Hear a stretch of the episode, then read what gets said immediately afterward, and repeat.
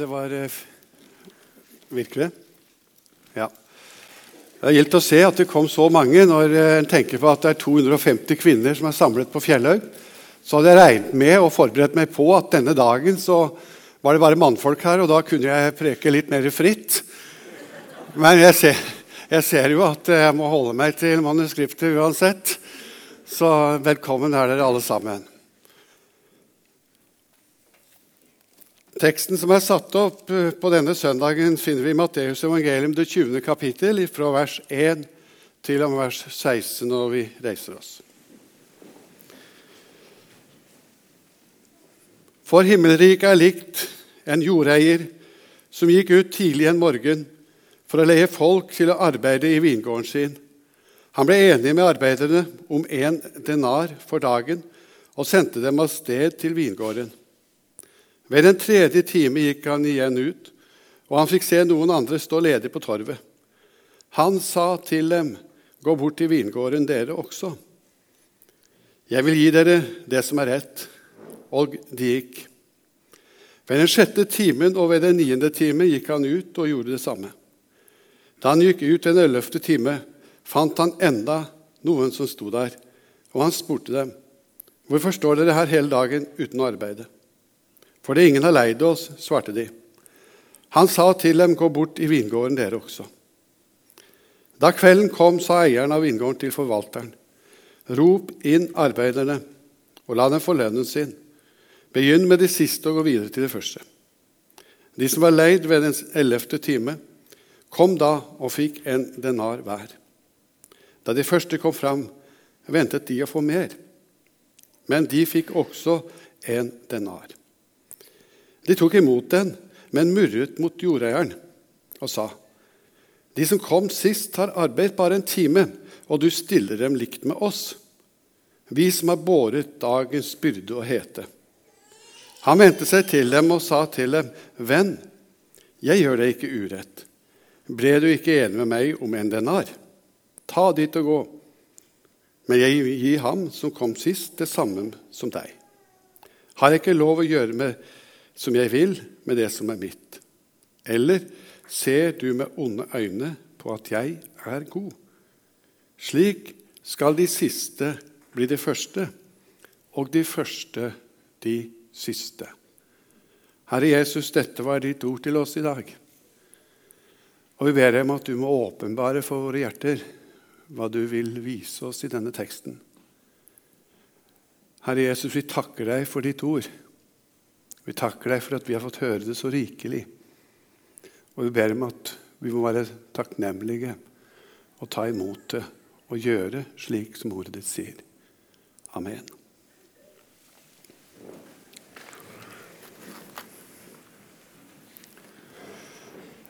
Diamanter slipes, og lyset slippes inn.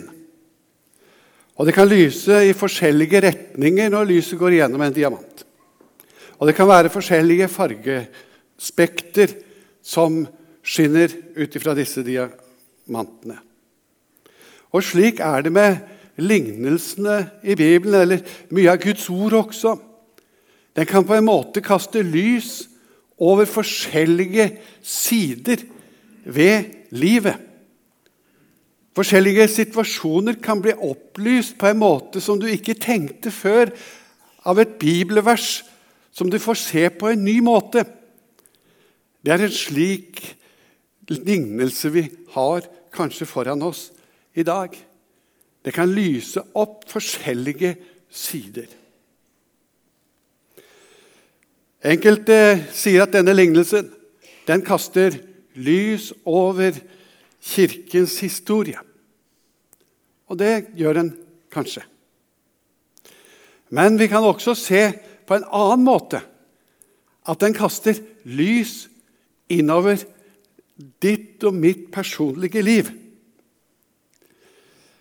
Men jeg tror hovedsaken i lignelsen er at det som har med himmelriket å gjøre, det som har med Guds rike å gjøre, der er alt av nåde.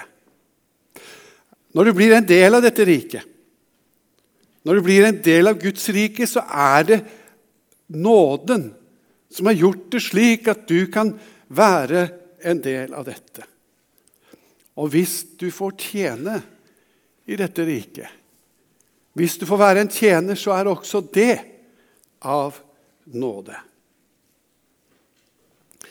I kapitlet foran det som vi leste i lag, så hører vi om en mann, en ung, rik mann. Han hadde levd et rett og et godt og flott liv. Men denne unge, rike mannen, han var bundet av sin rikdom. Han var bundet av selvrettferdighet. Og så sier Jesus til han at du skal gå og selge alt det du eier, og så skal du gi det til de fattige. Og så står det videre det ble på en måte litt tungt for han, så han gikk bedrøvet bort. Og Da er det Peter hører og ser denne hendelsen. Og Så begynner han å spørre Jesus ja, men hva med oss? Hva med meg? Hva med oss, vi som sitter her? Vi har jo sølt forlatt heimen vår, og så, og så følger vi deg. Hva skal vi få? Og Jeg ser liksom litt av den gryende optimisme i svaret han forventer. Han tenker nok at eh, han skulle få høre at dere skal få sånn og sånn. Han får jo også et slikt svar at lønnen skal dere få. Men, sier han, og så begynner han å fortelle denne lignelsen. Det er bakgrunnen, og når vi ser denne bakgrunnen som denne teksten står i, så skjønner vi kanskje litt av dette. Kan det være aktuelt for oss? For deg og for meg? Eh, vi har eh, møtt forskjellige ting i livet. Og en sa det omtrent sånn, eller tenkte sånn, og kom med noe lignende utsagn. Og det er noe omskrevet. Vi har arbeidet i misjonen i 40 år. Har vært litt underbetalt og arbeidet mye mer enn det det kunne forventes. Og nå har jeg fått kreft. Underforstått var det rettferdig? Han hadde jo gitt hele sitt liv, og så ble han sjuk og må stoppe opp der akkurat, akkurat som han tenkte, uten at han sa det. Jeg, hvis det skulle være rettferdig, så bør de ha fått en bedre behandling enn akkurat det som nå skjer med meg. En misjonær sa i sin nød til meg Min kone og jeg vi har brukt hele livet ute på misjonsmarken som helsearbeidere. Og vi har hjulpet dem med mat og vann, folk som var i ferd med å sulte i hjel. Har jobba i katastrofearbeid. Og så nå har min kone fått en kreftsykdom som gjør at hun verken kan ta til seg vann eller mat. Og jeg må se på, sa han, at hun som har hjulpet alle dag ut og dag inn med nettopp mat og vann, og nå tørster og sulter hun i hjel. Eller det tredje Når det skjer noe som er så vanskelig å forstå for oss, så sier vi Vi har et uttrykk som er om lag slik Gud må ha god råd. Gud må ha god råd når han tar hjem sånne unge, aktive, som absolutt hadde vært sånt stort behov for i misjonen og i kirka og i samfunnet ellers. Jeg kan ikke fatte det. Og Noen ganger så blir det slik at vi nok kjenner på en form for urettferdighet. Noen kan kjenne det. Og det er ikke, så, eh, det er ikke noe som vi skal feie under teppet og si at nei, vi skal ikke snakke om det. Jo, det tåles at nettopp det snakkes om. En annen så det litt annerledes. Han sa det slik. Ja, vi kan nok kjenne på urettferdighet. For jeg bor i verdens rikeste land og er nå på et sykehus som har verdens beste behandlingsmetoder, og har noen av de flinkeste legene omkring meg. Og medisinen jeg bruker, er gratis. Den får jeg. Så det er urettferdig. Snudde på hodet. Vi opplever på mange måter å leve i et land som har gitt oss så mye. Men tilbake Hva skal vi få som har, full, som har fulgt deg og forlatt alt, sier Peter. Og jeg tror at den leksen som Peter fikk i denne dagen, det skal være også en lekse til oss. At alt er av nåde. Kun av nåde. Men la oss se det litt sånn som fra det ene perspektivet her, dette med at eh, Peter han var av de første kristne. Han var der kanskje fra morgenen av, for å si det sånn, i kirkens historie. Og disse fikk løfte om en denar. De var sammen med, gikk der apostlene sammen med Jesus. Disse som Herren kalte. De startet altså tidlig om morgenen. Og så kom flere. Ettersom historien gikk, så ble det flere og flere med. Og Herren gikk ut ved den tredje time, sånn ca. klokka ni, og så at det var noen ledige på torget. Han ga dem et kall, og de ble med. På samme måte skjedde det senere på dagen. Hele tiden så gikk vekkelsene fram omkring i verden. Og Kirken, Guds universale menighet, den vokste. Og så kom vi til den ellevte time. Det er kanskje nå. Det er i dag. Snart er misjonstiden over. Snart kommer han og kaller oss hjem. Snart er det slutt. I den ellevte time så går han fortsatt ut og søker etter folk som vil være med i vingården. Og den tolvte time så kom på en måte sjokket. Kommer sjokket, gledessjokket, ut fra denne lignelsen. De som hadde vært med helt fra begynnelsen, de fikk den samme lønn som de som kom helt til slutt. Jeg tenker som så at i denne tid som vi nå er, så må alle krefter settes inn for at så mange som mulig kan være med inn i Guds rike. Og Vi skal lese et lite avsnitt fra Rombrevet 15, 8-10. For det sier dere, Kristus ble en tjener for de omskårne for å vise at Gud taler sant, og for å stadfeste løftene til fedrene, men også for at hedningefolkene skal ære Gud for hans barmhjertighet. Som det står skrevet Derfor vil jeg prise deg blant folkene og lovsynge ditt land, navn. Videre heter det, Gled dere folkeslag, sammen med hans folk. Og igjen lovsyng Herren alle folk. Pris ham, alle folkeslag. Han vil misjon. Han vil at alle folkeslag skal høstes inn. Og han vil bruke deg om du står ledig på torget.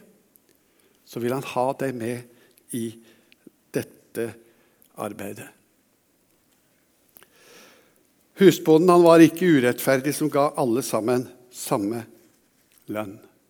Nei, han viste bare en kjempestor sjenerøsitet. Han viste en storhet. Han ga det samme til alle som kommer inn i dette riket. Og slik er det også i dag.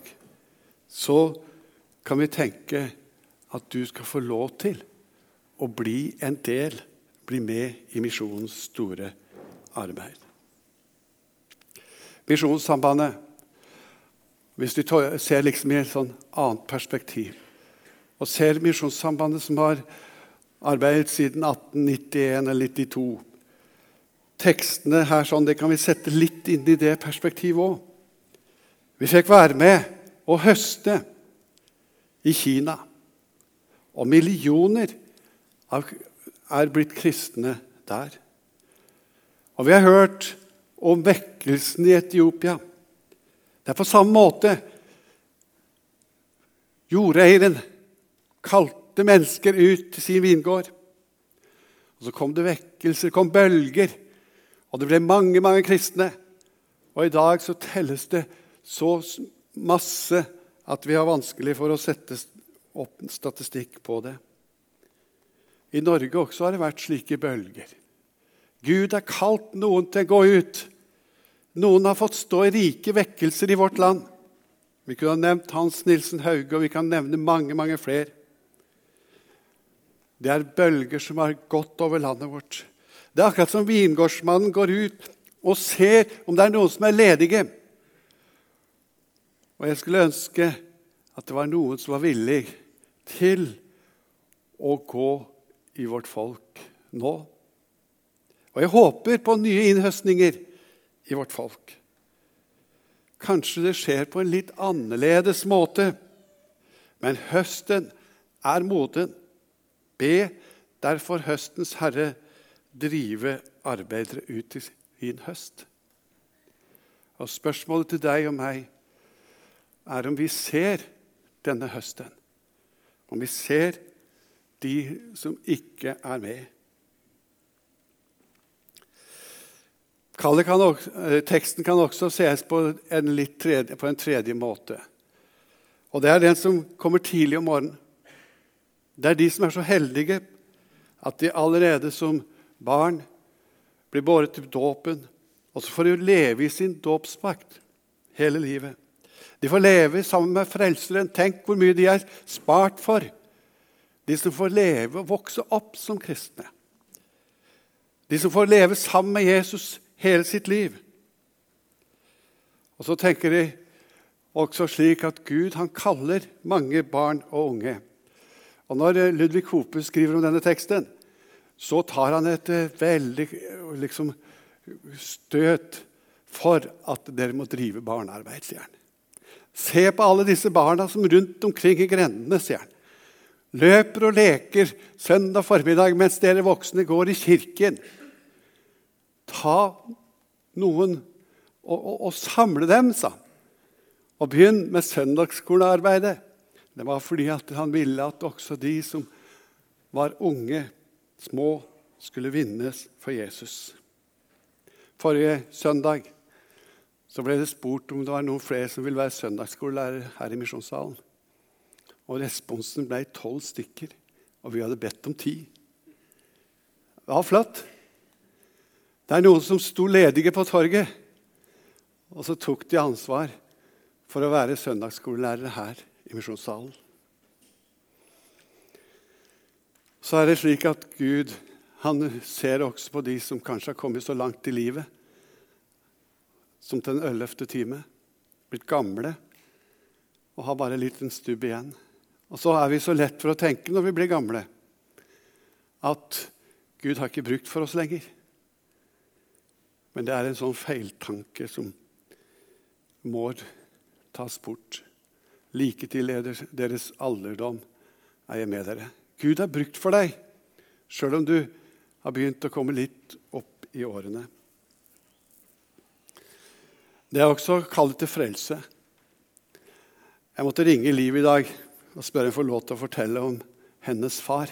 Min kone heter Liv. Min svigerfar heter Andreas. Han eh, var en fantastisk mann.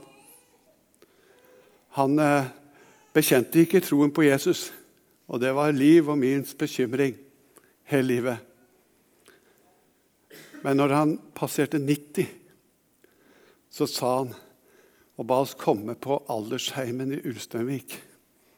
Og der sto vi rundt hans seng, og så fortalte han oss at nå har også jeg blitt en kristen. Jeg tenkte på han i dag når jeg leste denne teksten. Det var i ellevte time. Han levde et par år etterpå. Han fikk da være i vingården med en gang. Og På den måten så tok han den ene etter den andre av ungene inn på hjemmet og skulle fortelle at nå har jeg blitt en kristen. Jeg har funnet fram. Så ba han også presten si det i kirka når han skulle dø. Du må fortelle til alle at jeg fant hjem til slutt. Det var fantastisk. Så med en gang så var det slik at oss, hele familien som sto rundt ham, fikk et vitnesbyrd fra den gamle mannen. At han hadde funnet fram. Det er ikke for seint å komme inn i vingården om du har kommet helt liksom blitt et gammelt menneske. Jesus er brukt for deg, selv om du er gammel. Hva menes så med å være ledig på torget? Jo, jeg tror at sjøl om du er aktiv og veldig engasjert i mange ting, så er det flott. Vær det. Men det å være ledig på torget, det betyr at hvis du har glemt dette med Guds rike Om du ikke vitner, om du ikke er, lever som en kristen, om du ikke er det lys og det salt som du skal være, ja, da kaller Gud deg til å være det i den situasjonen som du står. Om du er snekker, vær en kristen og god snekker. Om du er rørlegger, om du er advokat eller lege, lev som kristen i yrket ditt. Du skal få lov til å være arbeider i vingården der du er. Og Det handler ikke alltid så mye om hvor vi er, men hvem vi er. Hverdagskristen vil jeg være, sang vi mye før. Og nå i det nye dokumentet, strategidokumentet som regionen har kommet med, der snakker de om relasjon, relasjonsfokusert for, ja, jeg skal se, Hverdagsmisjon betyr at vi skal være til stede i folks hverdag og liv, der vi bor. De vil ha en relasjonsfokusert hverdagsmisjon. Det høres litt veldig ut, men det betyr at du skal være en kristen de, der du er. Helt til slutt så har jeg lyst til å ta opp et lite tema som denne teksten gir oss mandat til å si noe om. Og jeg føler jeg må gjøre det. Knurrende sinn, utakknemlighet, møter vi teksten i dag. De var ikke helt begeistret, de som hadde arbeidet hele dagen. De som har vært med hele tida. Fordi at de andre fikk like mye velsignelse. De ville gjerne hatt at de skulle fått litt mindre. Det er litt av den samme ånd som vi finner hos den hjemmeværende sønn. Han klarte ikke å glede seg over at det var noen som kom hjem. At den bortkomne sønn kom hjem. Enda han fikk høre at alt mitt er ditt. Han så rett og slett ikke nåden.